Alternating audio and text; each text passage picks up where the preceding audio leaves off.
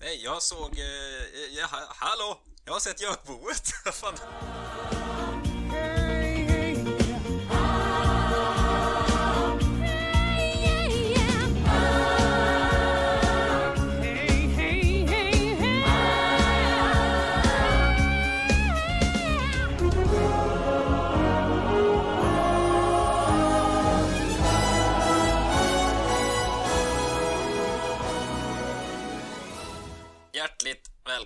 till ett nytt eh, avsnitt av Red Army Sverige-podden. Emil är här, hej. Mikael, hej. Hej. Adam är med också, hej. Tjena! Till många stora glädje, tror jag. Eh, Så någon kommentar på Twitter, minns inte vem det var nu, men det var någon som, eh, eller Facebook kanske var, någon som eftersökte det i alla fall, att du skulle vara upprörd idag efter helgens fantastiska insats. Är du upprörd?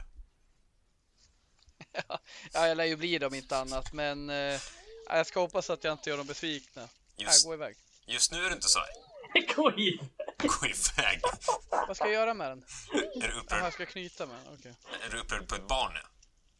Nej, men Tilde vill ha något lego här. Här, Jaha. hej då, puss hej. Mm. Så- Nej, men jag det hoppas inte kunna göra dem besvikna, men det är klart man kommer kunna bli förbannad efter den här eh, tillvaron vi är i. Stänger du dörren hjärtat? Så, eh, men, men eh, ja, nej, men det är kul att vara tillbaka. Eh, hoppas ni också tycker det. Jag, jag sitter ju och lyssnar på er när jag inte är med. Men det är alltid roligare att vara med, så att säga, än att lyssna. Ja, det är då du brukar säga bra avsnitt trots att inte jag var med. Ja, lite självgött sådär. Men ja, nej men det, det ska bli kul att snacka med er igen. Jag tycker det är skitkul att vara med, men det funkar ju inte lika ofta längre som förr. Och då är det kul att folk kommenterar och eh, ja. Har man blivit den? Jag vill ha med Adam för han blir så jävla arg. ja, det, det, det kan jag fan leva med. Jag kan sätta det på min LinkedIn-CV. Jag sitter med lite puls när du ska vara med. Vad är det som ska komma idag liksom?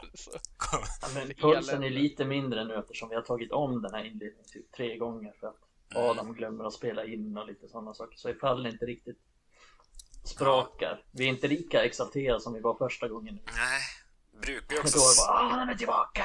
Jag brukar ju också stoltsera med att det vi så att vi aldrig tog klipper. det tre gånger så att Ja.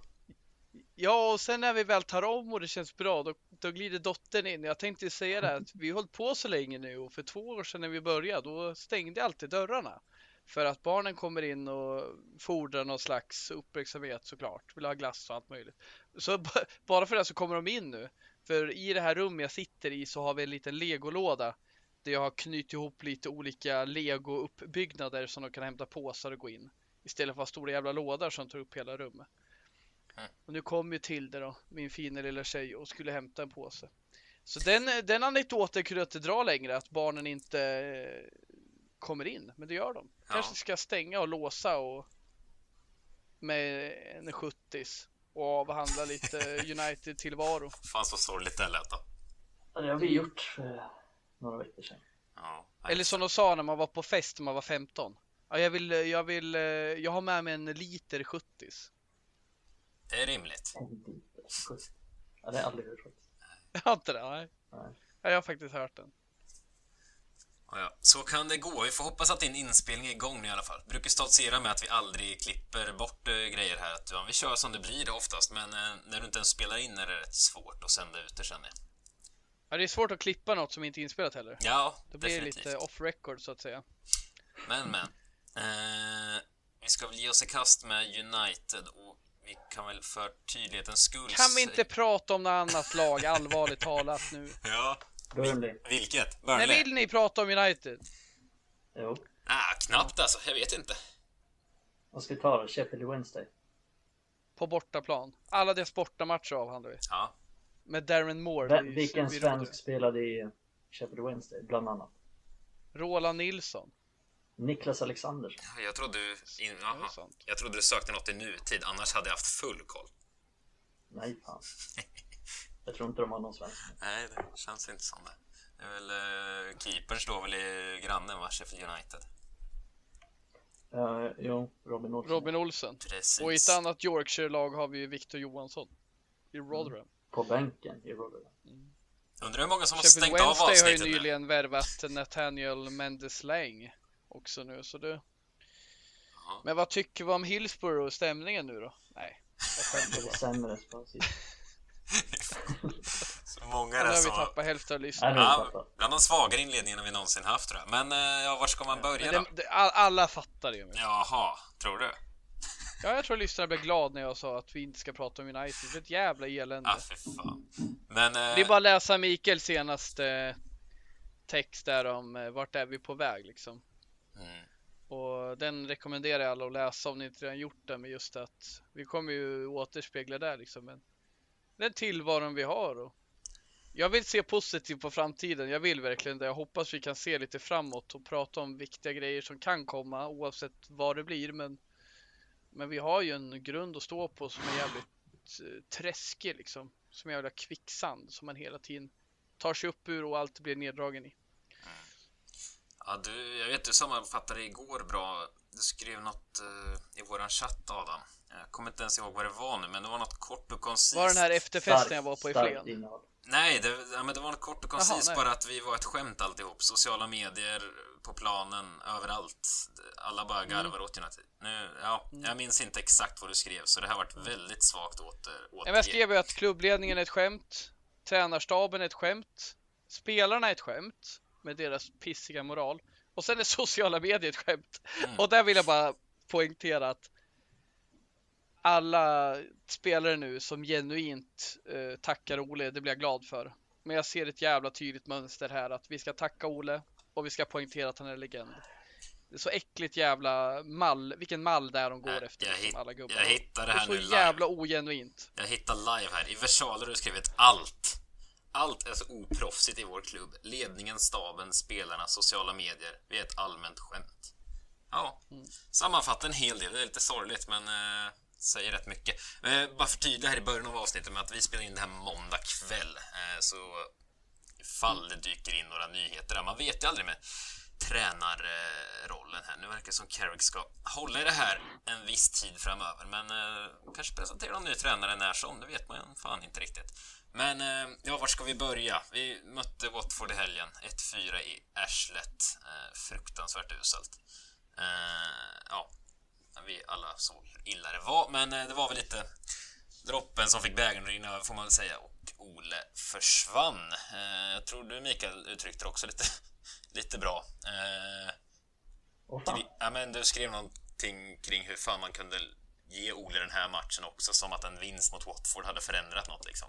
Ja, är, ja hur kunde det få gå så här långt? Alltså, varför har man inte gjort något innan i frågan? Vad, vad tänker ni? Varför har Ole suttit kvar fram till slutet av november när det sett ut som det gjort? Jag tror väl inte att... Alltså jag tror ju så här att Woodward helt enkelt inte vill sparka honom. Dels var det han som tog in honom. Men också att det blir lite Woodwards legacy eftersom han inte kommer vara kvar så länge till. Eh, om man sparkar Ole så blir det liksom att han tog in honom, han sparkar honom och han kommer lämna som en, som en misslyckad själ. Så jag tror det är delvis därför han var kvar så länge. Förlängde också i somras ska väl sägas. Det kan ju spela in med i det. Vad sa du? Att, de, att man förlängde i somras och hade så också. Det känns som det kan spela in också. Jo, jo såklart, men eh, jag tror att han ville liksom, han trodde väl att att Ole skulle vara någon ny liksom Ferguson och han kan ju inte så mycket om fotboll så han tänker väl att ja men om jag ger honom mycket tid och liksom han säger bra saker, vi ska spela the United way, vi ska spela bra bra fartfylld fotboll och vi ska göra det, vi ska ge unga spelare chansen och det är precis det Ferguson snackade om. Så han, tror väl, han trodde väl väldigt länge på att Ole skulle ge honom det. Eh, det är vad jag tror i alla fall, men det, det är alltid svårt att spekulera i. Plus att han, nej men hans ego också, att det, han ville inte att att det sista han skulle göra var liksom att sparka Ole, så jag tror han väntade ganska länge med det beslutet. Men vart känner ni, alltså... Ole har ju liksom fått bära hundhuvudet rätt mycket här nu, men alltså vart känner ni? Är det Ole som... Är det Ole man ska skylla på? Är det spelarna? Är det hela ledarstaben? Är det Woodward och company? Eller är det en stor härva rakt igenom? Vad, vad känner ni liksom? Kommer det förändras något nu? Jag tycker ju att eh, Ole är ju han, han har ju ansvaret för klubben och att vi inte har lyckats taktiskt och att han inte har fått upp eh, moralen i truppen överlag den här säsongen. Det tycker jag väl. Moralen har ju varit bra i vissa matcher och ibland har den varit usel. Även fast vi har vänt på matcher tycker jag väl inte vi har lyckats motivera spelarna alla gånger. Men liksom, ja, Oles ansvar har det ju varit. Men sen har det varit så liksom urusla insatser där man liksom glömmer med varför man spelar i den här klubben och att man har tappat sin moral totalt. Och där känner jag väl att vi har gått över till att det jag tidigare var, ja men det är Ole som är det stora problemet till att på kort sikt nu så har ju vissa spelare visat sitt sanna jag. Och eh, där har ju växt en parallell frustration. Jag har ju länge uttryckt min kritik mot Ole, men spelarna har ändå skyddat i mångt och mycket. Och vissa har kritiserat och hyllat, men fy fan, det har varit så dåligt i vissa toppmatcher nu som man tappar hakan. Jag tycker mot Leicester så var det taktiskt haveri med val och spelare och hur vi spelade, men mot Liverpool och City, det tycker jag väl att taktiken var inte klockren, absolut, det var inte bra. I matcher vi faktiskt gjort bra historiskt, men moralen i spelarna och ner mot Watford, det är bland det värsta jag sett från spelare. Alltså det, de kom inte till jobbet och de pissade på sin tränare. De pissade på hela klubben. De pissade på supportrar. Och det var bedrövligt att se. Grabben kom till mig igår. Det var fan rörande. Men han bara sa pappa hur mår du? Jag bara vadå? Ja, du var ledsen igår efter matchen. Det är inte så att jag satt och grät. Jag sa ju till honom, jag är fan ledsen liksom. Han var ju med mig och kollade där. Vi skulle ju se matchen. Och, och det har ingenting med det här att göra. Men liksom vi supportrar är ledsna. För mm. uh, vi har en pissig tränare. Och han har fått gått nu. Hur mycket väl han är hela klubben. Han har gjort sitt bästa säger jag. Och det är inte tillräckligt för den här klubben. Men spelarna har inte gjort sitt bästa. Spelarna har fan inte gjort sitt bästa och de ska bli synade för det. De där råttorna som springer där ute. Så jo. ja på din fråga Emil, det är spelarna har stor del, men jag ser ju inte att spelarna är problem över sikt, men nu på sistone, fy fan vad dåligt det har varit. Jo, och det är ju någonstans, eh, för det går inte att, att ta ifrån, så har det ju varit, men det är också någonstans en konsekvens av hur länge det här har fått fortgå, hur länge Ole, alltså de har ju tröttnat mer och mer på Ole. För att de tycker inte att han är bra. De tycker att han favoriserar spelare och de tycker att ja, men den spelaren blir behandlad orättvist och de, den spelaren tycker inte att han har någon taktik. Så att det är nästan ingen som tycker att han är bra längre och det är ingen som lyssnar på honom längre. Så att det blir ju en, en moralsänkning i hela, i hela klubben och Ole han tar ju sig knappt upp ur sängen på morgonen längre. För att han är så nere. Mm. Eh, och det är sånt smittar ju, det smittar ju av sig på, på allihopa. Och, så att jag tror att det har varit extremt låg moral i hela truppen och det har väl blivit ja, men värre och värre liksom de senaste matcherna. Alltså, till slut så blev det ohållbart även för Woodward och Glazer. Liksom. De var ju tvungna att ta ett beslut för att det blev så pass dåligt på alla sätt och vis. Alltså, det blev taktiskt dåligt, det har det varit länge.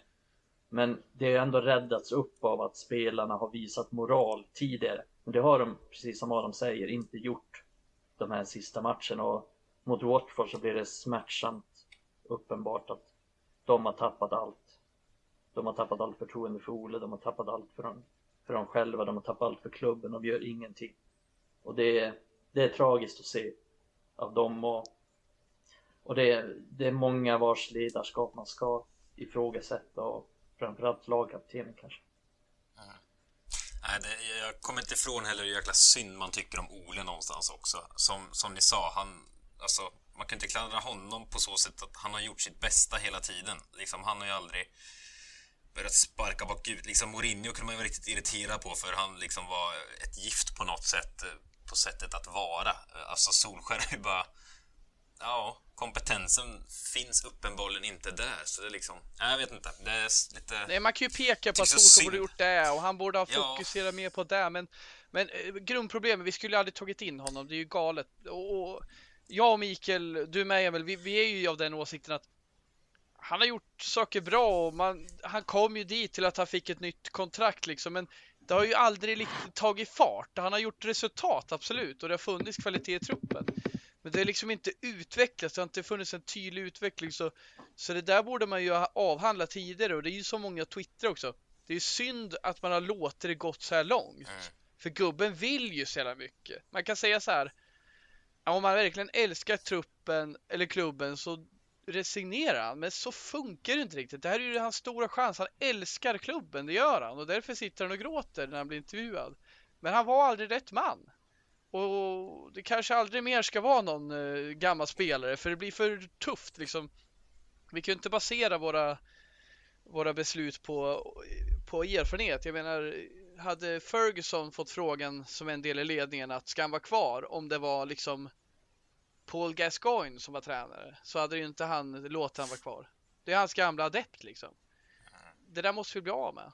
Men, men absolut, jag tycker också synd om honom. Det är en kille med ett stort hjärta han har hjärtat på rätt ställe. Och det var också som någon skrev på Twitter var bra, liksom, vi kommer aldrig få en tränare som älskar klubben så mycket. Men det kanske inte är det vi behöver heller i längden. Vi kanske inte behöver en ny Ferguson. Nej, viktigt, vi, behöver, liksom. vi behöver en ny som omfamnar våra värderingar, som kommer ända från Mass Busby liksom. Men vi behöver inte titta på Steve Bruce eller Roy Key liksom. Vi, vi behöver något annat. Och det hade varit jävligt häftigt om vår Champions League-hjälte från 99, Solskär, tog oss till nya höjder, absolut. Men det funkar inte. Jag tyckte hans första halvår var helt underbart. Han fick mig att tro igen. Och jag älskar, jag var och kollade på Barcelona och jag sjöng på puben och sjöng hans namn, tyckte det var underbart. Det var så jävla kul, hans första halvår.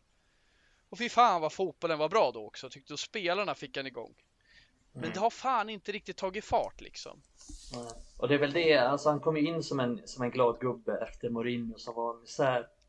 Och stundtals, han gjorde ju väldigt bra i början och stundtals genom sin United-karriär har han gjort det helt okej men eh, så, som du säger, alltså liksom det, han var ju aldrig rätt val i det långa loppet och hade jag fått bestämma, jag hade ju sparkat honom minst två, tre gånger under de här åren.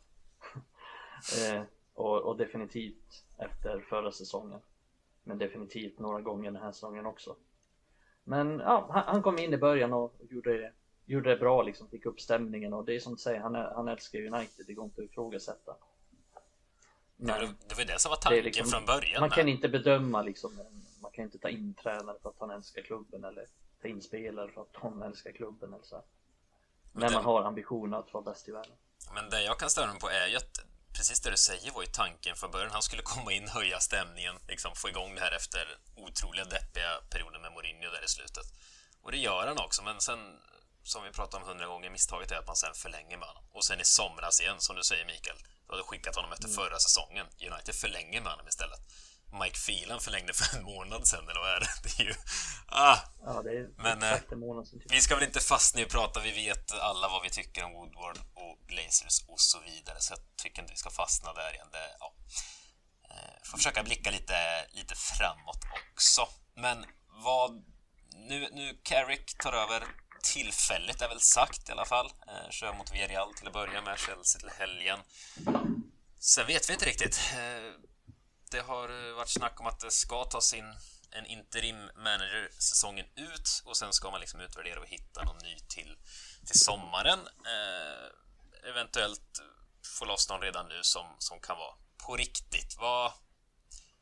Om vi, om vi börjar i änden att Carrick tar över nu tillfället. Filan, McKenna, de grabbarna är kvar. Fletcher ska väl fortsätta lira kvadraten kanske.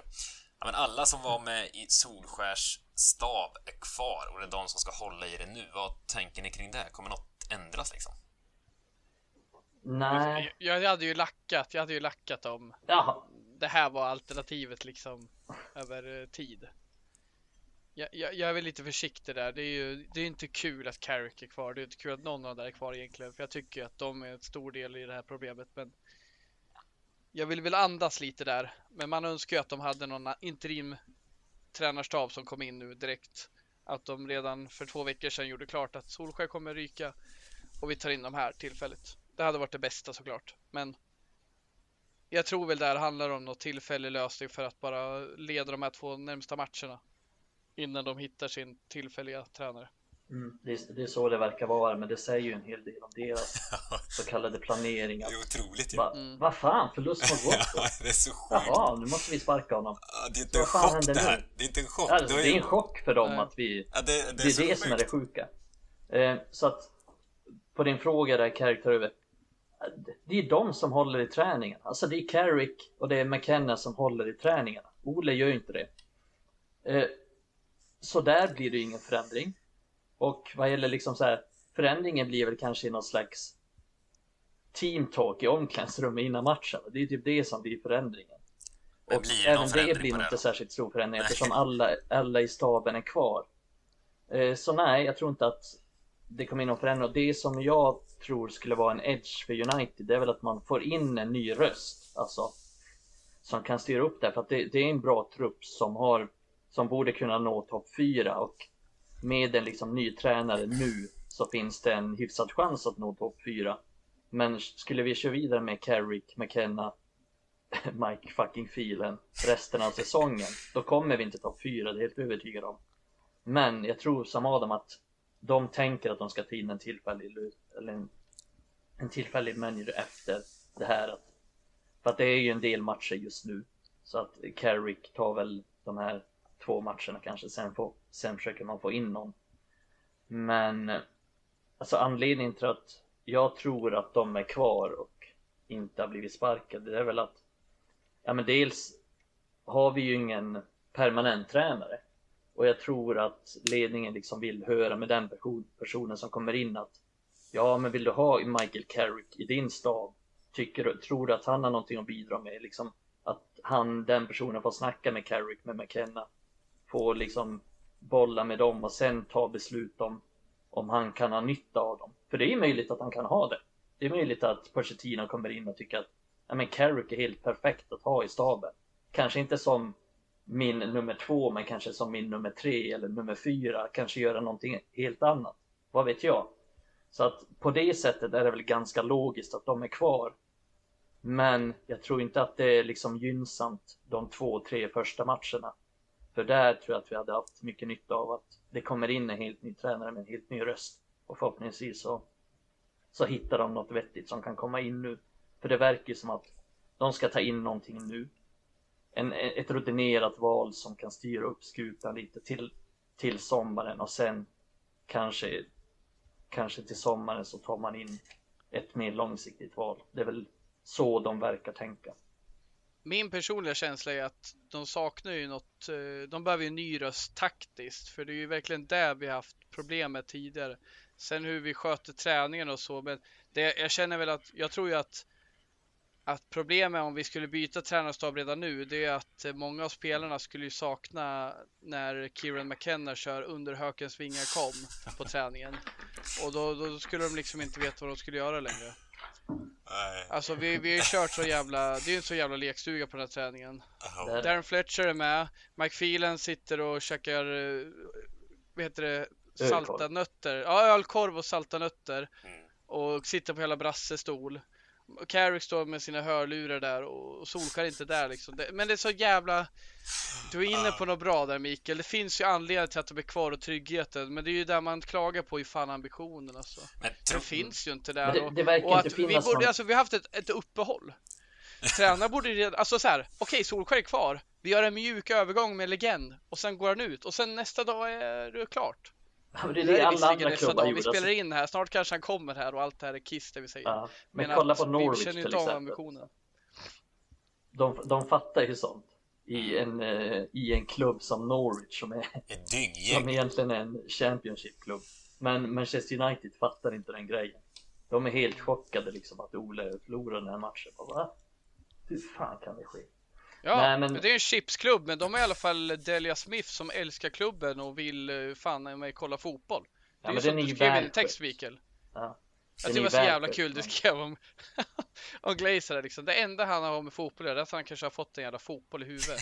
Ja, det eller en spökboll i huvudet eller något. Ja, men det är det, det är hans fotbolls, eh, det är hans hela bollrelation. Sopa är han. Tro. Men det eh, det. i Norwich så älskar de fotboll och sen är de kissiga och det luktar chips om dem. Men de älskar i alla fall fotboll. Det gör inte vi. Vi är ett jävla företag som blir rövpippade. Jag tänker inte säga det andra ordet, men jag har lust att säga det för vi kanske har några underåriga som lyssnar. Men ja, vi blir Kanske att Ja, din vi- dotter och son... ner- Framförallt så inte du stängt dörren ja. Mm. byxorna nere så att säga för oss. Och vi tar den bara. Där det känns. Men det verkar inte jävla finnas... dag. Men det verkar inte finnas någon tydlig, alltså precis som du säger, du är inne på någonting bra där med att Fletcher springer runt på träningen. Alltså, vad gör han där? Det finns, alltså, det är en lekstuga, det finns, verkar inte finnas några, jag, var- jag var inne på det lite i början av avsnittet. Eller vi kanske klippte bort det, det vet jag inte. Men alltså man måste ha typ så här tydliga roller. Alltså vad gäller ledarskap och så här. Man måste ha tydligt att den personen gör det och den personen gör det. Så att alla verkligen vet och har klart för sig vad som gäller och vem som gör vad. Men de, de har inte det. Alltså vad gör Fletcher där? Som spelare måste man tänka, vad i helvete är det här? Cristiano Ronaldo liksom spelar alla världens bästa lag. Bara, Ja men det är ju ingen liten roll han har. Han är ju inte Nej. någon, alltså han är inte någon, heter det, pass upp som ska stå där. Han är inget jävla kuttersmycke på vår plan. Alltså han, han har en viktig roll och man fattar ju, ja, okej, ja men det är lite klockrent att han ska vara mellan Ole och vår football director Murtog liksom. Ja men han är connection, jag fattar. Men sen är han med där. Och det tänker jag med liksom, att jag börjar på ett nytt jobb så vet jag inte vad jag ska göra. Vad ska jag göra? Hej, jag har inte tid med dig grabben. Okej, ha. Ja, jag går över här och plockar disk och gör kaffe. Ja men det Du där verkar ju vara exakt så. Ja, den där väggen, den är vit och där finns det gul färg. Jag står här och målar liksom. Ja. Jag vill göra något. Men, alltså Fletcher har ju ADHD Exakt så liksom. tror Det är inte det så att han bara, det är inte så att han bara sitter och väntar på att få något att göra. Han Ja. vill ut. Ja, där är mina gamla dojor. Jag går ut och spelar fotboll med de här killarna. Och det är det som är så sjukt. Det är det som är så sjukt. blir. För det Det är är så ju exakt, det är exakt så det är. Det är exakt så det är. Han, han vet inte riktigt vad han ska göra, så han, gör, han gör lite av varje och hänger med på träningarna och kollar lite, ger lite tips till Ole, snackar lite. Men tror ni till exempel så här, Carrick och McKenna håller i träningen, tror ni att de lyssnar på dem? Tror ni att de har respekten med sig? Tror ni att de liksom tar in vad de säger? Alltså jag har ju noll förtroende för McKenna. Jag kan säga så här, Carrick, jag kan inte säga någonting om honom. Han är en jävla praktikant som har varit med och lyssnat och lärt sig och gått sin fucking trade. Men McKenna har i alla fall haft ett uttalat eh, hopp om sig. Han är en talangfull coach. Han har kommit från, eh, han har coachat U-lag. Han har kommit in här och redan under Mourinhos tid och det finns någonting med den här killen. Och det jag fått reda på, eller ryktena säger ju att han har varit väldigt väldigt eh, satt sin prägel på vår taktik, att till och med Solskär inte alltid varit inblandad. Och det kan jag tänka mig. Och jag ser ju på matcher att han tar stöd av McKenna. Och det är där jag känner att fan filen, det är ju ett problem. Han gör ju ingenting. Men ett annat problem är att McKenna gör jävligt mycket och det är jävligt mycket av det taktiska som varit kissigt under Solskär. Jag tänker att Solskär skulle ju behövt mycket mer bättre stöd. För är taktiken hans svaga del, då ska han ha en bra taktisk eh, kompanjon bredvid sig. Typ som Ferguson hade i Queiroz eller eh, i McLa- McLaren under en tid. Det var bra gubbar de tiderna. McLaren var ju fantastisk under sin tid. Han blev ju till och med förbundskapten. Även fast man nu luktar lej som honom liksom. Så är Men det han, han är ju bra taktiker liksom. Han kan mycket taktik. Sen är väl Steve McLaren inte, han var inte liksom den bästa ledaren eller bästa huvudtränaren. Men det var inte Carlos Queiroz heller. Nej. Han var inte särskilt bra som, som huvudtränare någonstans egentligen. Tror ni att vi kan... Nej, och det är ju en jävla skillnad. I de små och, och, detaljerna. Exakt. Och, och det är ju där vi snackar om man management och sånt. Det är en jävla skillnad. För det är en del. Så finns taktiken en del. Och sen finns eh, övriga delar i managerposten så. Men vad Nej, men gör Mike förstår. egentligen? Har han ett jävla drömjobb? Vad gör han egentligen?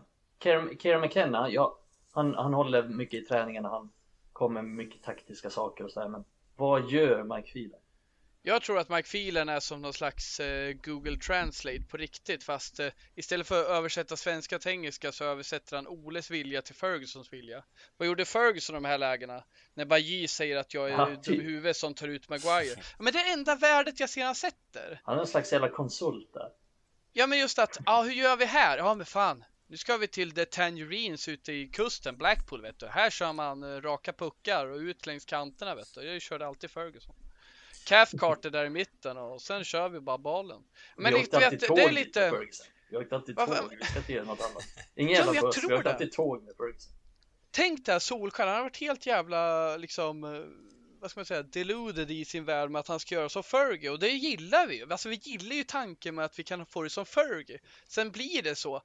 Ja, jag tyckte första tiden med Solskjaer kändes som fan. Han får tillbaka den här viljan och gubben anfaller och han roterar spelare. Han kör Darmian i trebackslinjen mot Reading. What the fuck händer? Vi avancerar i FA-cupen. Sen blev det inte som det blev. Som det skulle bli. Och han ville ju vara nya Ferguson. Och det tror jag att filen var liksom Ja men fan, vem sitter inte och lyssnar på en gubbe som med lite ölmage som sitter och berättar gamla historier? Man sitter ju där och tuggar fradga när han berättar att Ferguson gjorde så här och så här och så här. Så kanske inte alla gör det, men jag tror fan det finns respekt hos honom. Sen insåg nog folk, fan hörni, får den där gubben lön nu eller är han på någon jävla, vad, vad är det för jävla avtal han har liksom?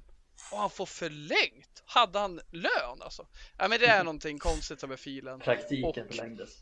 Jag tycker väl ett problem om filen inte skapar något värde alls. Jag har kanske ännu mycket mer större problem med McKenna som men ska sägas vara det taktiska geniet. För det är taktiken jag har haft problem med. Inte man management. Och där kanske filerna skapar någon slags värde i att hålla ihop gruppen. Han är ju en liten Tommy Söderberg, eller hur? Det har vi ju fått känslan av. Ja, men, men Mike Phelan försvinner ju när någon ny riktig tränare, om jag uttrycker mig så, kommer in. Är väl känslan. Det hade varit märkligt Ja, men, men tror, tror, ni, en fråga bara, tro, tror ni att vi kan hamna i den bizarra sitsen att Carrick nu kör ihop med de här vi studsar till och vinner fyra raka här. Liksom slår Villarreal, slår Chelsea och så Nej, jag, jag vet vart du vill komma. Och så sitter vi där och hör Nej, att jag vet Carrick är vår nya manager nu. Som de gör det med Solskär. Nej, det kommer aldrig hända. Det hade varit episkt. Nej. Det kommer, alltså så här, jag, Nej, jag tror att eh, det kan hända för att vår klubb är sjuk. Men det känns som de har bränt sig där liksom. Det här med Ole kändes bra då och förlänge han. Och jag kommer ihåg där när Neville intervjuade Solskär och det var sånt jävla liv runt det där. Men jag tror inte de gör samma sak igen. Alltså ta in en gammal spelare med, eh, hur ska jag uttrycka mig, bristfällig tränarerfarenhet. Carrick är ännu mer oerfaren tränare än Solskär. Mm. Tror det aldrig händer. Men hur känner ni då framåt? Svårt, svårt att se det hända. Jag visste att du skulle komma Men hur känner visste ni att du skulle, Direkt du ställde, ställde den frågan visste jag nu kommer jag komma till den frågan. Men, eh, och nu kommer den av Steve Bruce. Ja, exakt. Ja. Det gör den. Det är kul att jag, jag drog en monolog nyss. Men jag hade min mick avstängd. Så att det, det var Aha. inte så mycket till nytta men Var den bra då? Sjukt. Eh, nej, det var inte så bra. Men det är väl ingenting att säga. Nej. Ja men okej, okay, Carrick kör nu. Uh, okej, okay, vi, vi tror att man väntar till sommaren med att plocka in någon uh, kalastränare, vad det verkar väl. Men alltså vad, vad ser ni? Vad, vad är eran... Adam, om vi börjar med dig. Vad är ditt drömscenario nu? Hur går man vidare härifrån, från dags dato? Tack för att du ger mig den. Jag älskar den här frågan. Eh, nu känner jag mig som en politiker här som har min... Ja, jag ska hålla mig kort. Eh, fick jag bestämma nu, då skulle jag in någon riktigt jävla dampig jävel och då har jag ju tittat på Transfer Market för att hitta inspiration på så här tillgängliga tränare. Jag skulle fan, alltså helt ärligt, jag kanske låter skojig nu, men jag är helt allvarlig nu. Jag vill in en dampig jävel som är cynisk och som bara ser över den här jävla truppen. Han skulle såklart ha någon slags tränarerfarenhet. Jag skulle fan inte vara ledsen om någon riktigt ärlig, cynisk jävel kommer in och bara synar de här spelarna vi har och ger en jävla psykologisk eh, underlag till eh, våra ledande som fan inte bryr sig. Men om jag fick välja så skulle det vara någon som eh, synar de här. Ger underlag för att skeppa de här soporna vi har som inte verkar vilja. Och det är allt från usla spelare till riktigt bra spelare men med dåligt personligt ledarskap. Och sen i sommar tar vi in en ny tränare som håller på lång sikt. Jag hade föredragit både Erik Ten Hag, inte Erik Hag, Erik Ten Hag och eh, Mauricio Pochettino. Jag, jag tror de hade sytt oss så jävla väl in i vår modell. Men just att på kort tid nu, jag har inget bråttom med att få in en ny supertränare. Det är klart det är bra. Det kanske är det bästa. Men att få in någon som fan men får ut de här jävlarna. För nu har vi haft så många tränare som har låtit spelare så Shaw, Pogba gått förbi. Och jag tycker de är fantastiska fotbollsspelare. Jag älskar att se dem där de är bra. Men de faller alltid ur ramen och de gör mig så jävla förbannad. Jag vill inte se mina barn växa upp med de här spelarna som hela tiden sviker oss. Pogba gör mig skitglad i vissa matcher. Han gör fyra assist där. Han avgör City-derbyt där. Men jag blir så förbannad på att vi aldrig kan lita på de här råttorna. Och vi kan snacka om att McTominay inte är bra spelare. Vi kan snacka om att Fred inte är en tillräckligt bra spelare. Vi kan snacka om till och med Fambisaka. Men de har inte lika svagt ledarskap som de här råttorna. Shaw, Pogba, jag är till och med inne på Maguire nu efter det senaste. Men det är det enda jag vill ha. Förlåt att jag inte kunde hålla det kort, men det okay. jag, vill ha, jag vill ha ut så mycket men... råttor nu. Och det kanske Pochettino kan få ut redan nu. Men, men Pogba är död för mig. Shaw, fuck you. Du är skitbra fotbollsspelare, men du kommer alltid falla ur ramen. Och kommer Pochettino tillbaka, då kan du inte ha kvar din jävla kallfond i bakfickan. För du kommer vara helt jävla slutkörd. Nu varvar han igång in. Mikael, hörde du? Han varvar igång. Jag blir helt till. Men, eh, men eh, skämt åsido, alltså tror ni... Eh, om det pratas om interim här fram till sommaren, hur många tränare finns det där ute som är villiga till det då? Det är ju på riktigt typ en Steve Bruce-typ då som hade kunnat tänka så, ja, ja, här kommer jag in och är någon tillfällig nisse i United. Vad finns det annars för några? Alltså... Ja, Ja, men det är, väl, det är väl den typen av tränare, alltså någon rutinerad som kanske inte ens har något jobb just nu. Utan det, det är den typen av tränare man får ta. Jag tycker väl att det är ganska vettigt att få in en, alltså om man bara ska ha en tillfälle, att man får in någon som är ganska stabil, som är rutinerad, som är ganska, liksom så här, Steve Bruce. man, man vet vad man får, lite den typen. Eh, men som ändå kan ta laget upp för att jag ser den här säsongen som ja, det viktiga. Det är att komma topp fyra nu bara. Det är, det är att överleva.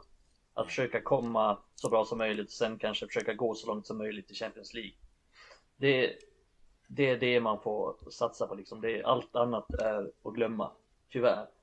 Eh, Så jag hoppas att man får in någon sån. Jag har inget riktigt bra svar på vem, men till sommaren så hoppas jag att då vill jag ha in en, en tränare med ett tydligt ledarskap. Alltså med en tydlig spelidé och någon, någon som sätter en tydlig grund. Och någon som inte tar någon jävla skit av de här som Adam säger Pogba och Luke Shaw som för nu under Ole så har det varit så speciellt sista tiden att spelarna kommer att gå lite som de vill. Spelarna gör lite, ja men lite vad de känner för. Och de känner att ja, men det blir inte så mycket konsekvenser om vi spelar dåligt eller om vi gör det eller jag kan ta en jävla efterrätt till eftersom det spelar ingen roll. Jag satt och tänkte på ändå. också. Ja, det där är så jävla bra Mikael, just kraven. Någon som sätter Ja, krav. Någon som Ja. sätter krav. Och sen är jag så jävla trött på den här jävla defensiva fotbollen. Ole spelade inte offensiv fotboll. Han spelade defensiv fotboll tycker jag. Mourinho spelade defensiv fotboll. Van Gaal försökte vara någon slags offensiv tränare men men var ju bara mest bollinnehav utan substans. Är ingen särskilt Mm offensiv tränare, men ingen av dem hade, förutom van Schaal hade någon tydlig liksom så här struktur i hur man skulle spela. Så att jag vill ha det, en tydlig struktur, tydligt ledarskap som inte tar någon skit. Och jag vill att tränaren ska spela offensiv fotboll, för det är det United ska göra. Eh, och så vill jag, viktig sak också, att den tränaren ska vara bra med unga spelare som ska ge unga spelare chansen. Satsa på unga spelare, för det tycker jag inte att Ola har gjort. Visst, man kan säga han har gett 16 spelare deras debut. Ja, men han gav inte- 11 av dem i en match. Mm. Liksom, och, och, och på slutet så var han en ganska feg tränare. Han, han satsade på dem han litade på. Och han gjorde det trots att de förlorade med 5-0. Trots att de förlorade med, med 2-0 och blev helt utspelade. Trots att de förlorade med 4-1 eller 4-0. Han satsade bara på samma spelare hela tiden. Han, det blev aldrig några konsekvenser för någonting. Och direkt en, säg att Maguire gör en dålig match, ja men då spelar han nästan då. Men skulle Ahmad göra en dålig match, då skulle inte han spela någonting. Liksom de resterande tio matcherna. Sån var han lite och jag tycker att han var ganska feg där. Så att jag vill ha en tränare som vågar ta de här besluten och vågar göra de här sakerna och vågar satsa på, på unga spelare. Så jag vet, jag skrev det till er idag att Alltså, jag har inget jag grundar i egentligen. Jag sitter inte och ser Ajax varje helg. Men de matcherna jag har sett så tycker jag de är fantastiska. Och Erik Ten Hag, jag tycker det, det är någon aura kring honom. Jag, auror eh, gör mycket för mig alltså. Han har bara aura och kunna komma in och... Jag vet inte, han känns som en sheriff alltså, som... Egentligen är det ett lite populistiskt svar tycker jag att säga Erik Ten Hag bara för han är lite ny och lattjo här i Ajax och lite häftig. Men eh, håller ni med om att det är någon aura där som jag går igång på i alla fall? Kan inte ni hålla med om, men går ni också igång på den? Jo, men jag, Ja, men jag gick behöver- igång på när du sa den auran. Jag tycker också han har Men Ole har ju auran inte av aura. ledarskap. Ole har ju auran inte har ingen aura. Ole har gympalärar-auran som är jättetrevlig. Jag skulle vilja ha Ole som svärfar, känner jag. Men det är den auran han har. Ten Hag har Han är aura oerhört okarismatisk, Ole. Ja, tyvärr. Men, eh, nej, aura är, betyder mycket för mig. Liksom Pogba, han har ju aura kring att, att vara en jävel som bara är härlig motgång. Maguire, han har inte kaptens aura. Ja, men Vidic, det var kaptens aura. Alltså, älskar att prata auror alltså. Låter jag Ja, men utsvävande? det är det. det. Men eh, det är någonting där alltså. Det, ja.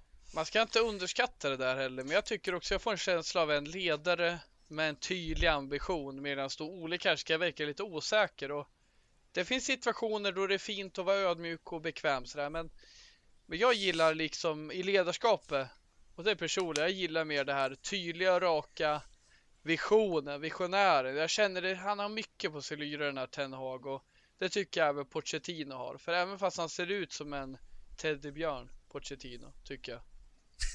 Så är han inte det. Men- Han, är jäv... han är hård, han är rak, han är tydlig. Syster Och, medan vissa, jag tycker han är lite mysmullig liksom. Men jag så här, Luke Shaw hade vissa bara, ah, fan vilken supertalang, det är det bästa jag sett. Medan eh, Pochettino bara, han är superbra den här killen, men fan han är lat. Men jag får inte samma aura kring Pochettino som jag får kring Ten Hag. Det, det är just auran Nej, där. inte samma. De är inte samma Nej, person. men jag får Ten Hag ser ju mer, aura. han ser ju mer hård ut. Pochettino ser inte hård ut, men han är ju hård när man hör det på presskonferenser och han Japp. uttrycker sig. Det är lite Men jag kul håller för- med att eh, Ten Hag, han ser ju ut lite mer som en fyrer. Medan Pochettino, han har lite mer mysig blick. Sitter man här och förespråkar fyren alltså. Det känns sådär. Men det är lite kul för att jag, det var en elev eh, som jag inte känner som kom fram till mig och sa att du är lik Pochettino. jag bara, Åh va? Jaha? Han bara, vet du vem det är? Jag bara, jo, jag vet vem det är. Du är jävligt lik honom. Jag bara, Alltså "Ja, dina mörka ögon Mikael, är det det? jag vet inte.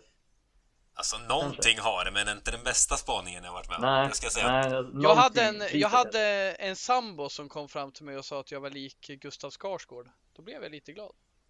Din sambo sa det, eller va? Ja, min sambo. Jag Aha. sa en sambo, för Mikael Ja. sa det. Jag hade en elev. Jag hade en sambo, sa jag. Det lät ju som jag haft massa sambos. Ja. Ja, det lät faktiskt. Som att du hade lika många som jag haft elever har du haft sambos. Det är en hel jävla del. Det ska hållas osagt. Nej, nu blev jag obekväm. Han har inte stängt dörren. Nej, jag har inte stängt dörren för någonting om man säger så. Nej, precis. Nej, usch. Kommer bli förhör ikväll. Ja, precis. Nej, hörni, vi ska fortsätta diskutera eh, nutid och eh, framtid, men eh, först behöver Mikael kissa lite.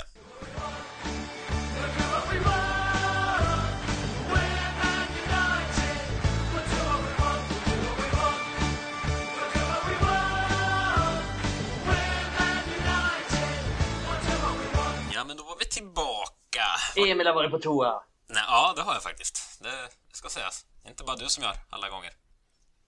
Eh, vart var vi innan vi slutade? Dåligt förberedd var jag nu kände jag. Vi ska fortsätta prata United kanske. Steve Bruce. Ja, just det. Det måste jag berätta för alla faktiskt. Eh, nu kommer ni bli lite semibesvikna igen, men eh, jag, jag, för er som har hängt med så vart ju pojkarna mycket upprörda att jag inte hade sett Jökboet för eh, några månader sedan nu. Eh, men nu har jag sett Jökboet, men eh, Och det är vi glada för. Ja, men det kom en liten brasklapp. Eh, Jökboet åkte på när jag var sorgligt bakfull här. Så jag såg den liksom, låg där, har sett en trekvart ungefär, sen somnade jag. Vaknade när det hela var slut. Ah. Och sen har jag liksom inte sett resten efter det. Så... vet inte om jag vågar... Och det handlar alltså inte om att du tyckte det var dåligt, det var för att du var bakfull. Ja, och så somnade jag, sen har det liksom inte blivit av igen. Eh, känns inte som en film jag bara sätter mig och ser här liksom. På kvällen, från ingenstans. Jag vet inte. Eh, jag Då får vi pausa det här tills du har sett klart den. Hade du några in... Har du några inspel från första 45 då? Nej, men... sen återigen, duktigt bakfull så sitter man ju där och... Ja. Man ser inte den bakfull. Nej, det. precis. Det, det var ju exakt det jag landade i. Jag kände att det var lite...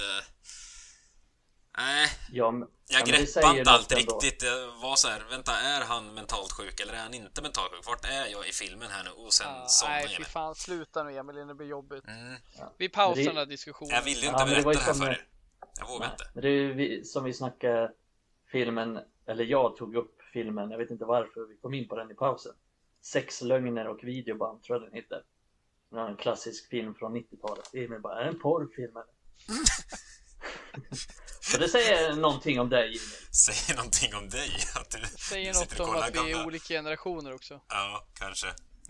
när, vi, när jag och Emil, eller när jag och Mikael växte upp var det vet det, trasdockorna och dundermusen liksom. Trasdockorna jag sett. Vad fan är dundermusen? Mikael, Emil växte upp med, med bilar liksom. Nej, så, så ung är jag absolut inte. Bilar. Byggare horbob eller fan. Nej, nej, nej, nej. Min lillebror såg byggare bob, men jag var för gammal för det. Det ska sägas. Doris och Gösta var, var vad dåligt det är alltså. Doris och Gösta, det är ändå okej. Okay. Ja, det var klass. Och Björnes magasin och sånt gick varmt. Det var tider. Och Rederiet. Nej, det, det var lite för ung för tror jag. Men nu ska vi nog inte fastna för, för länge här tror jag. Uh, Steve Bruce kommer bli ny tränare för United. Uh, det såg ju jag framför mig för några veckor sedan. Jag hoppas den ger mig ifall han dyker in som interim. Jag sa det lite halvt på skoj för några veckor sedan. Men uh, kanske vi sitter där snart. Men vad, vad, om vi ska gå vidare, vad, alltså vad behöver en ny tränare göra? Du gapade förut Adam om att man ska in och rensa upp och så vidare. Är det så enkelt? Vad, med materialet vi har, vad, vad ska man göra? Hur ska vi spela? Ja, men framförallt, alltså vi har ju väldigt bra vi har ju bra spelare tycker jag. Och det var ju som jag sa, även fast jag vill rensa ut så har vi kvalitet. Så jag tycker med den här kvaliteten vi har så ska vi kunna spela en jag delar Mikes åsikter om att eh, Solskär har haft en defensiv approach överlag. Jag tycker vi ska kunna spela en offensivare fotboll. Vilket vi gjorde. Vi spelade offensiv fotboll under början av Solskärs karriär, men sen avslutade säsongen dåligt och han blev försiktig. Och han gick ju från att ha en 4-1-2-3 uppställning eller 4-3-3 eller vad man ska kalla det till en 4-2 eh, 1 eh, ja vad fan det nu är nu 4-2-1-3 och eh, eller 4-2-3-1, förlåt. Det är mycket siffror. Funderar om han skulle rädda det eller inte. Men ja, vad fan funderar också. Har fått en stroke? han, har, han, har gått, han, han, har gått från en offensiv approach till en mer defensiv approach. Och jag tycker ju att egentligen handlar det inte om formationer. Vi kan ju spela offensivt med vilken uppställning vi än har egentligen. Men jag vill att vi ska nyttja det material vi har på bästa sätt. Och det finns ingen enkel lösning tror jag, men det börjar nog med att vi har ett mindset och vi har offensiva spelare. Vi har faktiskt en spelare som Matic som kan spela ankare. Inte det bästa alternativet, men i många matcher så funkar det. Och jag, jag, jag ser ju såklart att vi kommer behöva förstärka till exempel centralt mittfält, men på din fråga där. Vi behöver spela offensivare. Vi behöver nyttja att vi har en jävla bredd på eh, ytterpositionen, vilket innebär att vi inte ska spela någon fembackslinje. Och jag är ju glad på så sätt att vi inte fått in Conte för han vill spela fembackslinje helst. Och eh, det funkar inte för oss. Vi har jättemycket kompetens och den tror jag inte vi, eller jag tycker inte vi utnyttjar den nära på tillräckligt med Solskär. Nej, precis. Och Conte tror inte jag heller hade varit rätt val för det. Eh, för jag ser också honom som en ganska defensiv tränare ändå. Även om Conte är en bra tränare så tror jag inte att det hade varit rätt. Eh, så jag är ganska enig där med Adam att få in en tränare som, som nyttjar de offensiva spelarna vi har. För att vi har så pass många bra offensiva spelare och inte bara de som finns utan många unga spelare också.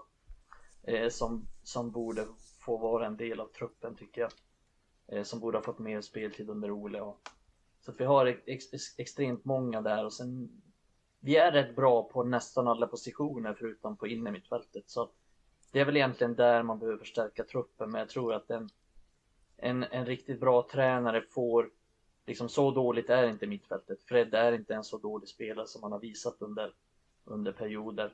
Om vi tar den här jävla Liverpool-parallellen så har inte de ett helt fantastiskt mittfält liksom.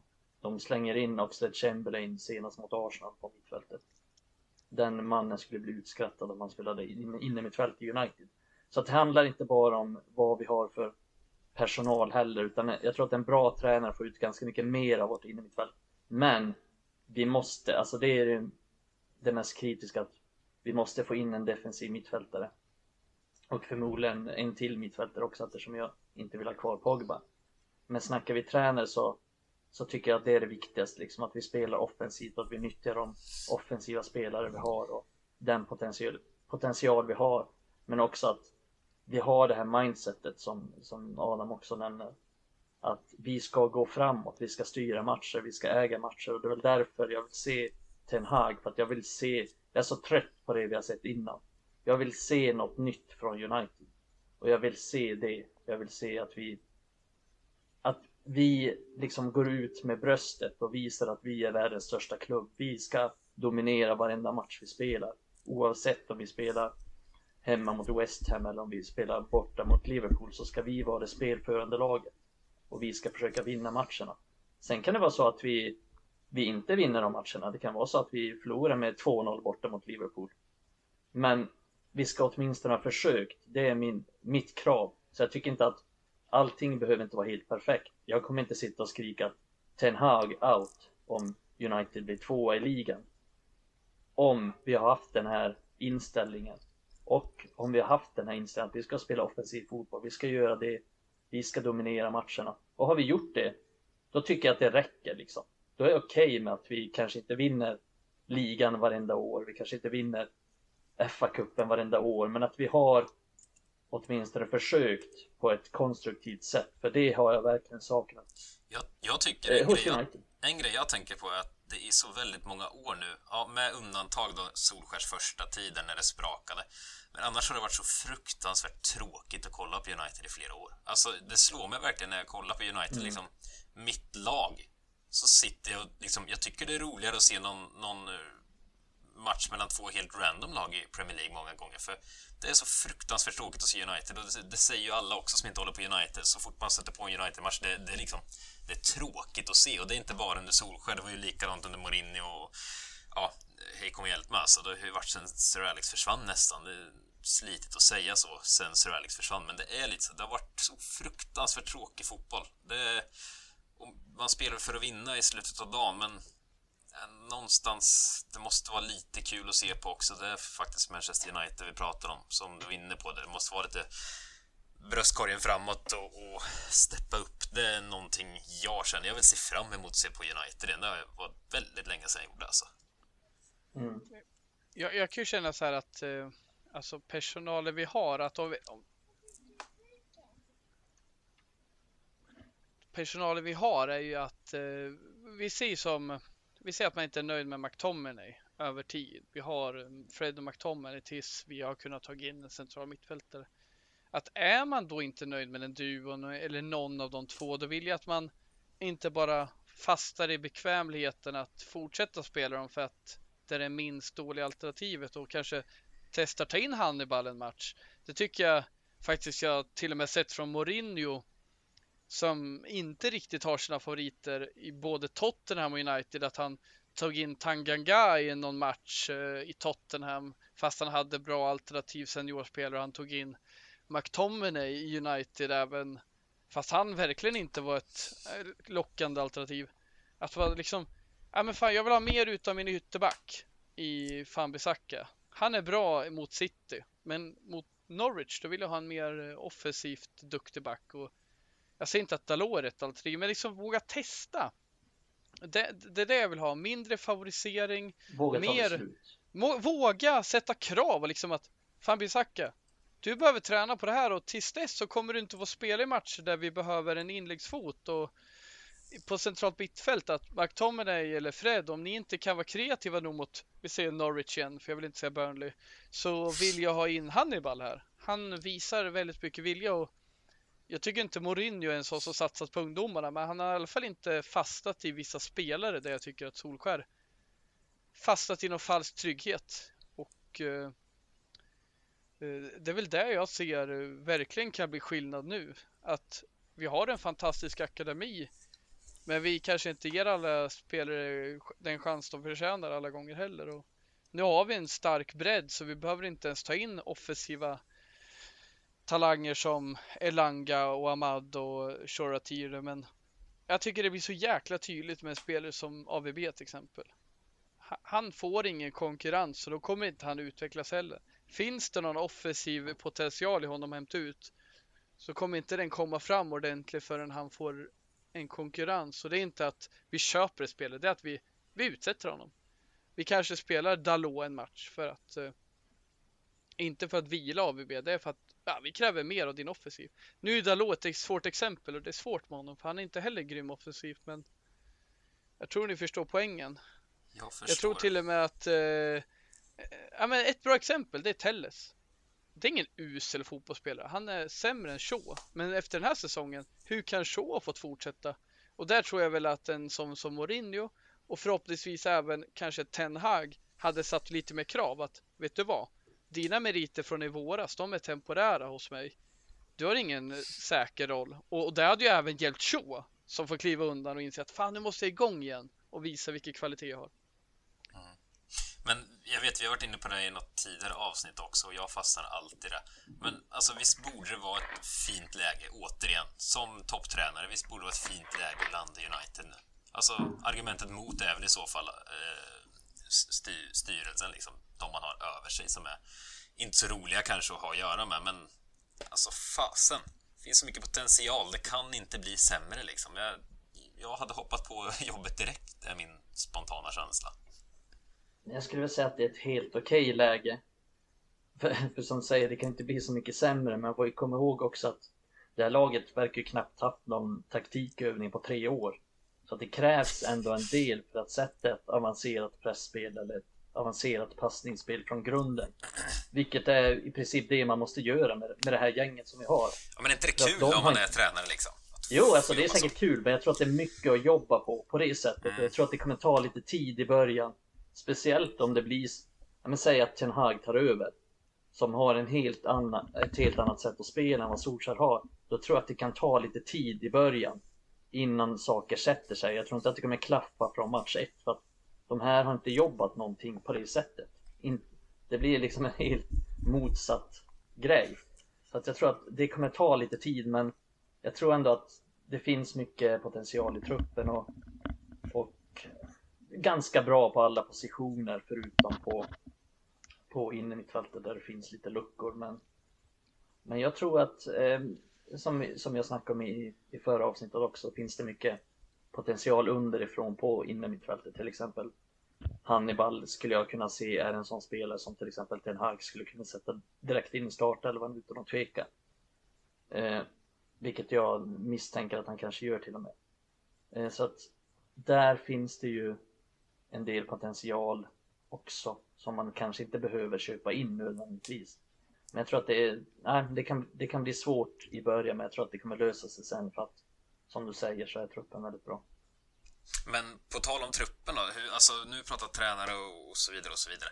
Men alltså deras till synes fullständigt bristande motivation och, och som de sett ut, många av spelarna, eh, har ju varit ett chipslag på sistone liksom oavsett oavsett vad. Solskjaer går att beskylla för mycket, men det ska inte se ut som det har gjort oavsett.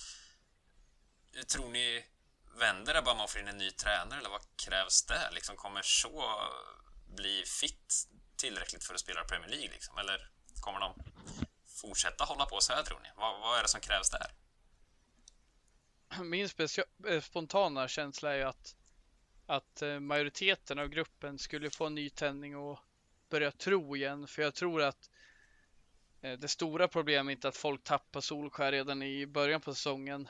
Eh, jag tror att de flesta har tappat honom på, på slutet, vilket genererat dessa fruktansvärda förluster vi har bevittnat mot City, Liverpool och eh, Watford där som har kommit efter Leicester-förlusten.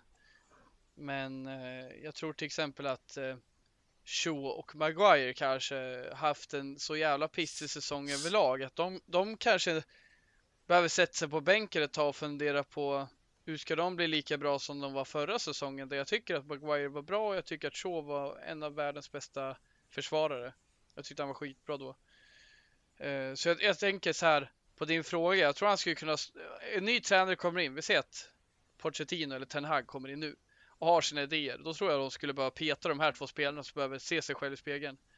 Sen tror jag att eh, liksom Bruno Ronaldo, Greenwood, Rashford. Man har ju önskat mycket mer från allihopa. Men att det krävs inte mycket för att förändra dem. Men jag tror man skulle behöva peta Maguire och Shaw. För de vet, de verkar bekväma och ofokuserade. Och eh, medan de andra spelarna bara haft en dipp och tappat Solskär de senaste veckorna. Maguire och Shaw har ju inte tappat Solskär de senaste veckorna. De har ju tappat fokus hela säsongen. De har ju varit urusla sedan starten. De behöver ha någon så... slags terapisamtal med varandra också. Det är... Ja, Det är fruktansvärt samarbete dem emellan också. Det är som att de aldrig har snackat med varandra hela, hela deras liv. att Bajy konfronterar gruppen och mota frågan mot Solskär varför Ma- Maguire får spela efter förlust mot Leicester. Det är ju ett, ett groende frustration att den här spelaren, han får ju spela hur dålig han är. Till och med när han är skadad får han spela. Varför får inte jag spela? Och eh, Shaw, ja, han har ju inte haft något fokus på att fortsätta hålla den här höga nivån, för han har ju ingen konkurrens längre. Brandon Williams är utlånad, Telles, han får aldrig ens frågan. Medan eh, typ Sosa Lindelöf, han behöver ju kämpa hela tiden för att ta sin plats. Maguire kan ju underprestera men ändå hela tiden får han starta. Och Mm. det tycker jag har varit okej när han varit bra, men när han varit dålig nu, det var så tydligt att Solskjaer kan inte bänka han. Han kan inte ens bänka han efter han varit i Norge på semester och fundera över vad som är problem. Så fortsätter han spela sina mest underpresterande spelare, vilket jag ser är Maguire och Shaw. Han fortsätter spela dem. Det är helt sinnessjukt. För det är ju som mot Wet- Watford. Wetford tänkte jag säga. Att det är ett extremt kritiskt tillfälle för Solskjaer. Han vet ju att eh, det är leva eller dö nu. Hur fan kan han få för sig att starta Maguire och Shaw? Och det frågar sig alla spelare med. Och van de Mm. Beek funderar ju på om mittfältet är så dåligt, varför får aldrig jag spela? Och det finns många där, men just Shaw och Maguire. Fy fan vad rutten de har. För jag tycker vårt centrala mittfält har varit ett kaos. Men jag tycker inte det kanske varit spelare för spelare. Det är inte så att jag vill skeppa McTominay eller Fred eller Matic. Kanske Matic, för han verkar helt slut nu. Men jag, jag känner så här. Det har ju varit med strukturen. Att vi har kanske tappat i pressspel och blivit ihåliga, vi har blivit naiva. Men just Shaw och Maguire, där ser jag individuella misstag dag ut och dag in. Så det är skillnad där tycker jag. Det kan, det kan jag hålla med om. Eh, de har varit sämre än vad Fred och McTominay har varit. De har varit de två sämsta liksom, så här, individuellt sett. Eh, Många har ju varit dåliga, så här, men jag kan hålla med om att det är mer strukturellt problem att hur vi sätter upp laget och så här. Men bara lite kontext för det du sa innan, vi, för att vi snackade om det här innan vi började spela in och då ska det vara så att enligt The Athletic så har bland annat Bailly eh, efter matchen mot Leicester ställt sig upp i omklädningsrummet inför alla och frågat varför får Maguire spela när han, han har bara tränat en gång. För att de, tydligen så ska de ha någon så här kultur där man får ge och ta feedback liksom och diskutera saker. Så då hade han frågat det efter matchen och Ola hade inte kunnat ge något svar på det utan han hade snarare blivit ganska arg på Bailly. Eh, så att det var det Adam menade när han sa innan att Bajis fråga till Solskjaer. Ville bara klargöra. Det är bra. Ja, det är bra. Tur vi har med dig.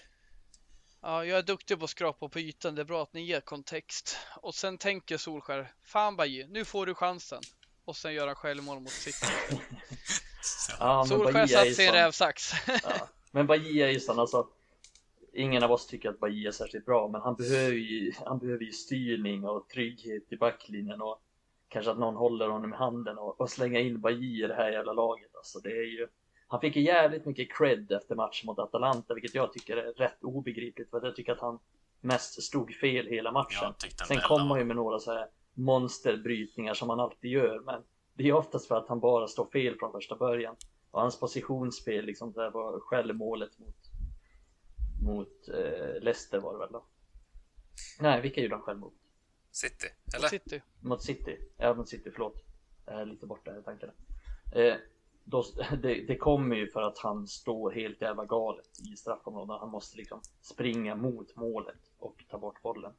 Och då är det ju stor risk att man gör den typen av grejer. Så att jag tycker ju...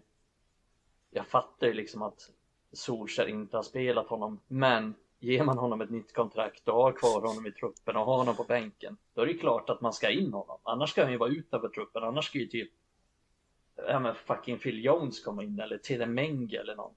Det måste ju ändå bli konsekvenser av, av saker, så jag förstår att Bailly blev lack och är lack. Mm. Även om jag inte tycker att han är någon stjärna direkt. De som hyllar honom stort efter Atalanta, det är samma människor som tycker att eh, Van Bissaka är en fantastisk försvarare fortfarande. Fan, Lite så. trött på honom. Jag tror det här med att Så. man hyllar Baji, det är så enkelt att se att han slänger sig och vill. Men det är John svårt Terry att se. man Ja, det är svårt, alltså smutsiga brallor. Det är Ja. svårt att se om han står rätt eller fel, för det kräver lite mer öga. Men det är samma också. och det tycker jag faktiskt är rätt i den situation vi är i när vi är så dåliga. Att man blir ju så glad över en spelare som Edison Cavani står och kämpar mycket. För det är det minsta man kräver nu när typ ingen verkar kämpa. Att vissa har ju det ryggraden. Men, mm. Så jag förstår ju vart det kommer ifrån, men det är lite provocerande för det finns spelare som gör bättre insatser men där det inte syns.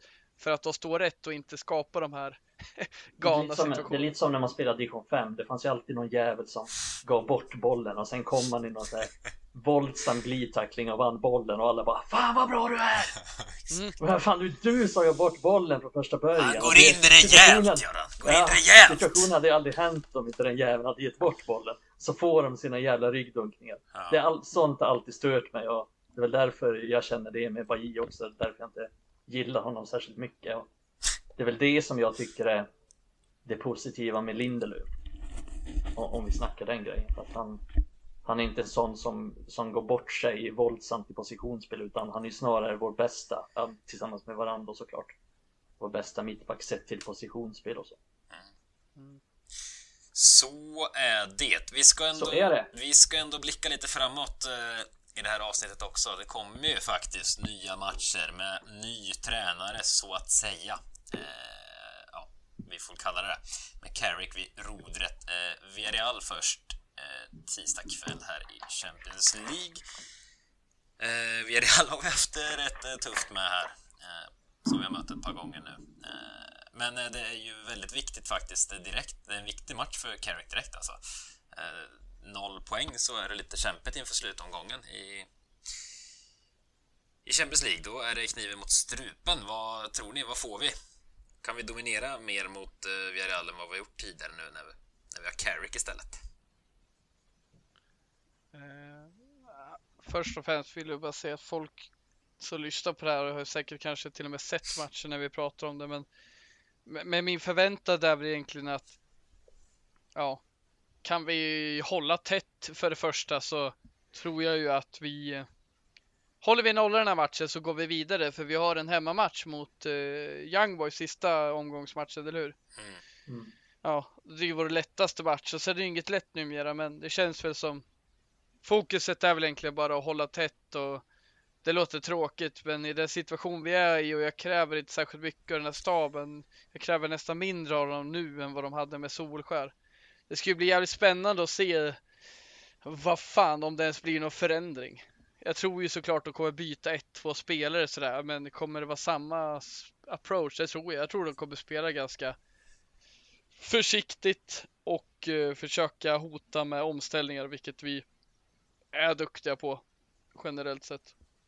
Men ja. svårt att säga liksom den här matchen. Jag tycker väl att uh, jag tycker väl att eh, de har nog koll på våra styrkor, men jag har ingen jävla förväntan alls alltså. Jag tycker det är svårt att säga. Sancho får gärna att... spela vidare som högermittfältare. Jag tyckte han, han skapade i alla fall något mot Watford. Ja. Jag tycker det är svårt att säga hur de kommer att ställa upp det här laget för att eh, å ena sidan är det ju de som har hållit i alla träningar och de som verkar sätta upp mycket av taktiken men å andra sidan så det kanske finns en hel del de, de förändrar om de får liksom större förtroende, om de får större mandat, om de får bestämma det slutgiltiga.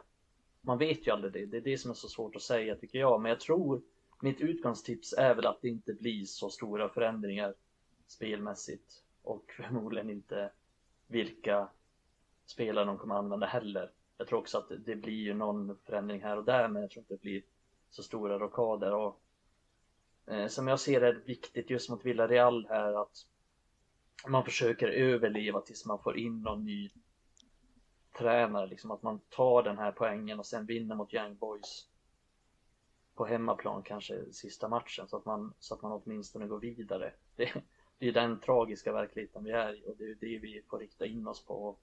Ja, det kommer bli en svår match men Villarreal eh, är ett svårslaget lag bevisligen och och skulle, skulle United vinna den matchen skulle jag bli förvånad, måste jag säga. Mm. Europa League-vinnarna, Villarreal. Ja. Det är korrekt. Stark analys. Korrekt. Mm. uh, nej, vi ska inte prata mer Villarreal. Som sagt, en vinst är eller en vinst. Poäng är mycket viktigt för annars eh, är de tre poäng före oss och slår Atalanta Young Boys så går de om oss också inför sista omgången. Eh, så då kan det bli jobbigt. Men eh, söndag, det lär alla hinna lyssna på det avsnittet i alla fall innan vi har Chelsea på bortaplan. Det är väl lite ångest för de ser ju inte skitdåliga ut. Nej, det är... vår chans är väl att de inte har någon aning om hur vi kommer spela. Nej, det är väl Men det har, det har inte hjälpt oss förut. Det hade inte Pep Guardiola heller. Nej. Han hade ingen aning om hur United skulle spela, men de vann ändå ganska enkelt. Mm. Nej, men det, det, är väl vår förhoppning liksom mot Chelsea, att det är inte så mycket som talar för United i den matchen. Det är väl att ingenting talar för oss, som man brukar säga. Och att de kanske inte, att vi kanske kan hitta på någonting, att vi kanske kan få någon boost av att, ja men nu är Ole borta och snart kommer in en ny tränare. Det är flera spelare som måste börja visa någonting nu och de ska få speltid i fortsättningen. Så det, det är väl vår chans, men, men likt där, alltså jag skulle bli mycket förvånad om United vinner den matchen. Jag är helt säker på att United inte vinner den.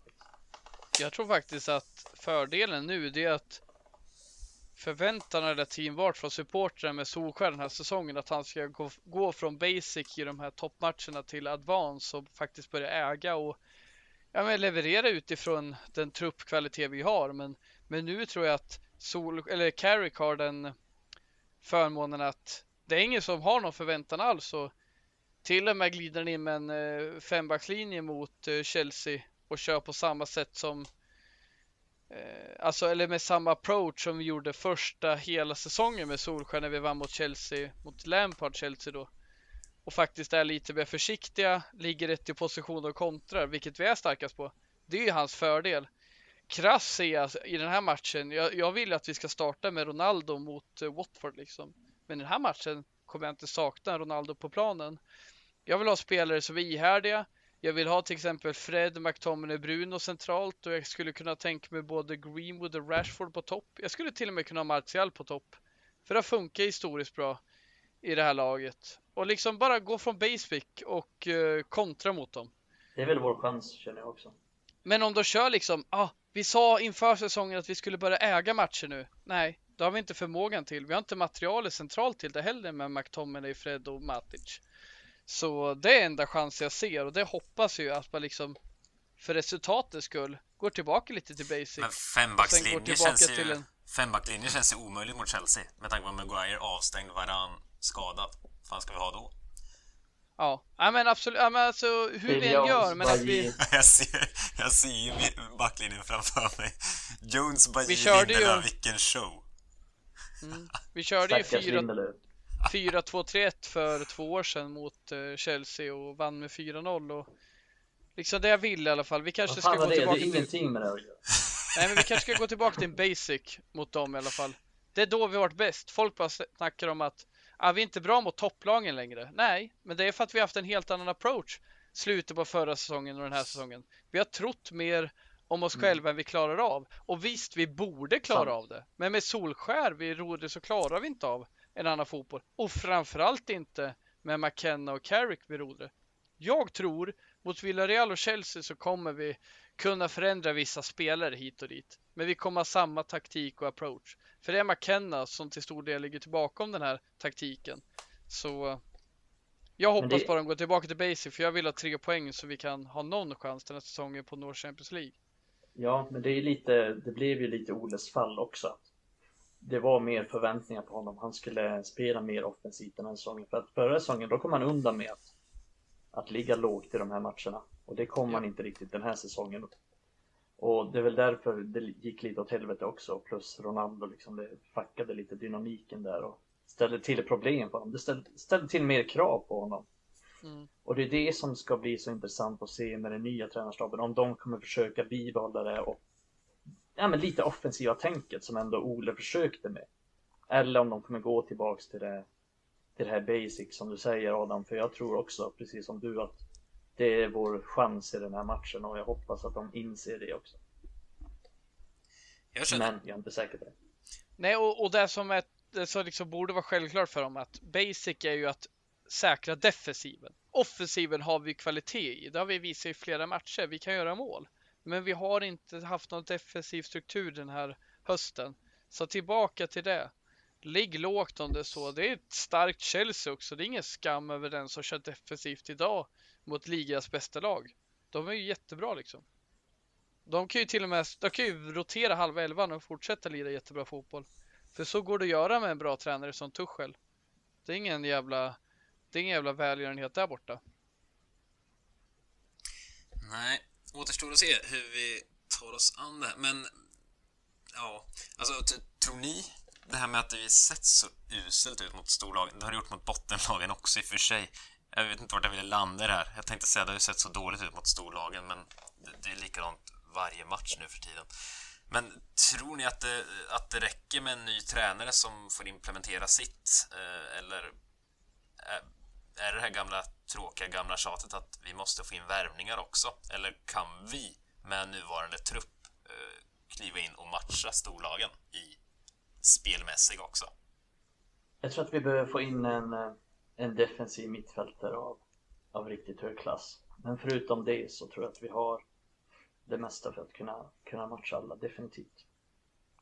Ja, där håller jag med. Alltså, har vi in ett ankare som är jättebra och som är rutinerat, gärna i den här ligan liksom så att inte ens den ursäkten för rutinen av spel i Premier League finns. Då kommer jag sitta och vara jävligt kritisk mot vem fan som helst kommer in. För visst, det tar ett tag att sätta in sin eh, implementera sin stil och sådär, men det är egentligen det enda ursäkten från att ha oss som konkurrerar på en jävligt stark nivå. Alltså. Om vi tänker så här, Solskjaer kom tvåa med den här truppen. Och det tyckte jag nästan var, jag tyckte det var nästan i underkant. Och det handlar om att förra säsongen så hade vi inget konkurrens som var i den nivån vi har i år. I år har alla förstärkt och fått tillbaka spelare som gjort att de kan konkurrera på den nivå de håller. Till exempel Liverpool. Eh, till och med Arsenal har levererat bättre efter förstärkningar. City har levererat bättre. Men alltså, fan. En enda spelare det ska räcka. För det är den lilla ursäkten vi har. Vi har inga grymma alternativ centralt idag. Vi har inte det. Nej, och framförallt inte. Det är en ganska viktig position. Eh, så, så det är väl det, det stora problemet och det måste ju Ja, det måste ju klubben såklart lösa. Men man har inte så stora förhoppningar kring det eftersom man inte har löst någon riktigt bra på den positionen sen just Carrick slutade. Så det är kanske det som krävs att han kommer tillbaks mm. som spelare. Ja, men tänk om Carrick spelar... Eh, Carrick och Fletcher på innermittfältet imorgon. Ja, men allvarligt, nu har vi en lösning. Carrick som ankare. Han är lika gammal sen... som Zlatan. Filen som högerback. Han slår ju inte sämre inlägg än fan Nej, det gör han inte. Det är flåset kanske. Ja, ja det... det... tänkte jag inte på. Han lär ju behöva... Ja, det är sant. Men ligga lågt, samla kraft och sticka upp någon gång här och där och skiffla på ett inlägg. Kan gå. Ja, men Carrick tränar ju hela tiden. Ja, Fletcher han ju, också. Han är ju fit. Fletcher kan man också slänga. Ole kanske kan komma tillbaka och signa som forward. Vi har det klart. han skulle ju vara i straffområdet i alla fall. Ja. Men, eh, ja. Vi får se helt enkelt vad eh, vi dyker på. Närmsta tiden är eh, spännande, eh, minst sagt. Känner ni också, jag har tänkt hela tiden att den dagen Ole får gå, inget ont mot honom som sagt, men jag har tänkt hela tiden, det kommer bli så skönt för det kommer liksom pirra lite i mig när man har någon ny bra tränare som kommer få sätta tänder i den här truppen och det kan bli så bra.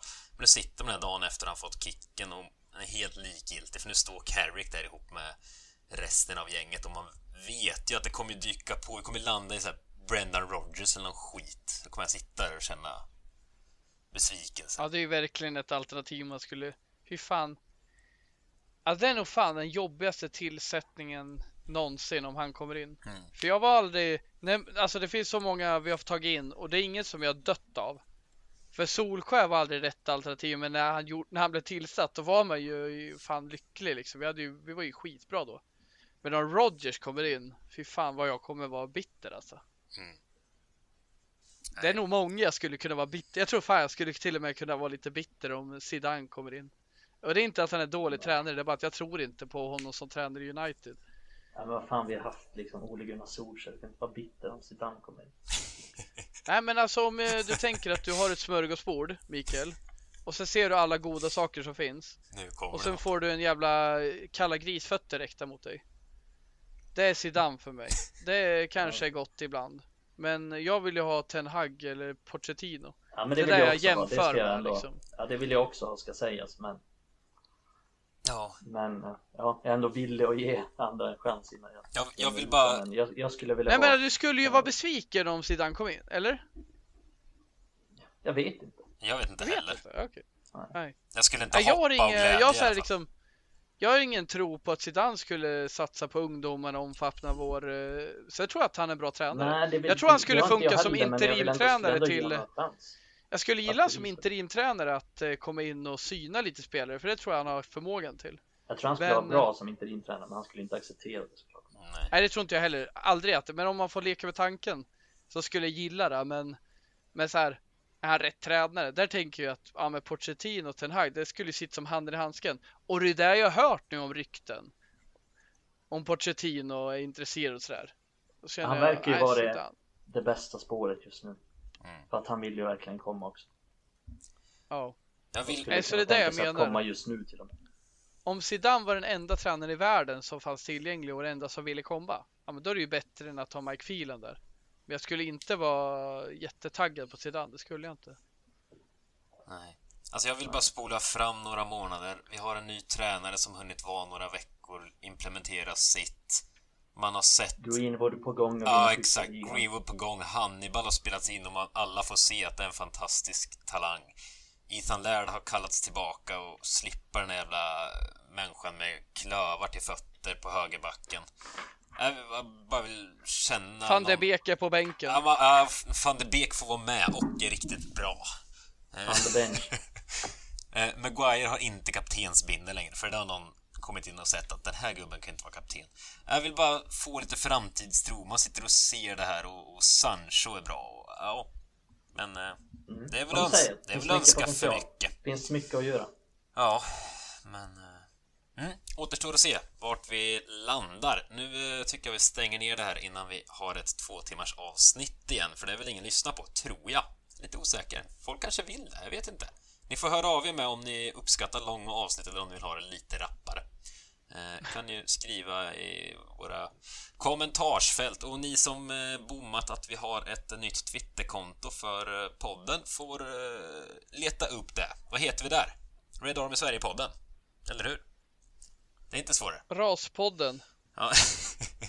Ja. det kan Det man också söka det är på. väl bara att söka på Jag tror att kontot heter Raspodden Men att liksom så här, användarnamnet är Red Army Sverige-podden Så det är bara att söka på Red Army Sverige-podden så kommer det säkert fram pratat både ras och fyror i det här avsnittet, så jag vet inte om jag är bekväm längre. Men eh, så kan det vara. Emil, Emil 19 år. Jag har skäggväxt som om jag vore 19 tänkte jag säga. Jag har kört eh, mustaschkampen här nu under november. Eh, ser ut som eh, jag har morrhår och inte en mustasch. Eh, Uff. sorglig syn Skicka är inte bild. Nej, Kung. det, Tre morrhår nej, nej, Säkert alltså, så här svinlånga också nej, inte så ser det inte ut. nej, nu fick ju folk upp en bild. Nej, men Ja, det så, Fan vad otäckt. nej, så, fan nu tror jag folk fick en eh, bild. Den är inte vacker, men eh, det, ja. Ja, det, det lär ju bli en bild på Raspodden. Han är inte, Nej. han är inte frodig om vi säger så, och lite blek, och så har jag ingenting centralt. Vi vill se en bild på dig Emil. Eh, nu. Så för om du inte visar den, då ser vi att du har tre till fem långa, äckliga hårstrån som bara sticker ut. Ja, men eh, jag får nog På vänta. ett födelsemärke Ska, ska, det, ska, det här ut, ska det här ut ikväll? Ska jag skicka ut en bild på mustaschen direkt? Den så kallade Du kan mustaschen? vänta på till imorgon. Jag tänker vänta tills folk har hunnit lyssna lite i alla fall. Mm. Så någon Imorgon förstår kväll. kontexten. När startelvan kommer ut, då ska du ha en bild på dig. Mm. Då kommer ni se lite tårar som rinner också. Det kan bli effektfullt. ja, ja. Du försöker, du försöker vattna de jävlarna Ska man inte göra det? Så de, så de ligger ner och inte bara spretar runt så Precis, äckligt. precis. Nej, det gör de inte. De ligger ner. Det, det är bara inte... Jag vet inte hur jag ska förklara. Eh, Jag har- jag har det kämpigt, okej? Jag har det kämpigt. Eh, nu eh, stänger vi ner med min eh, mustasch, så ses vi, hörs vi i alla fall nästa vecka igen. Får vi se om vi har någon ny tränare, om vi har tagit några poäng och om Harry Maguire fortfarande är bäst i världen. Ha det gott tills dess. Hej!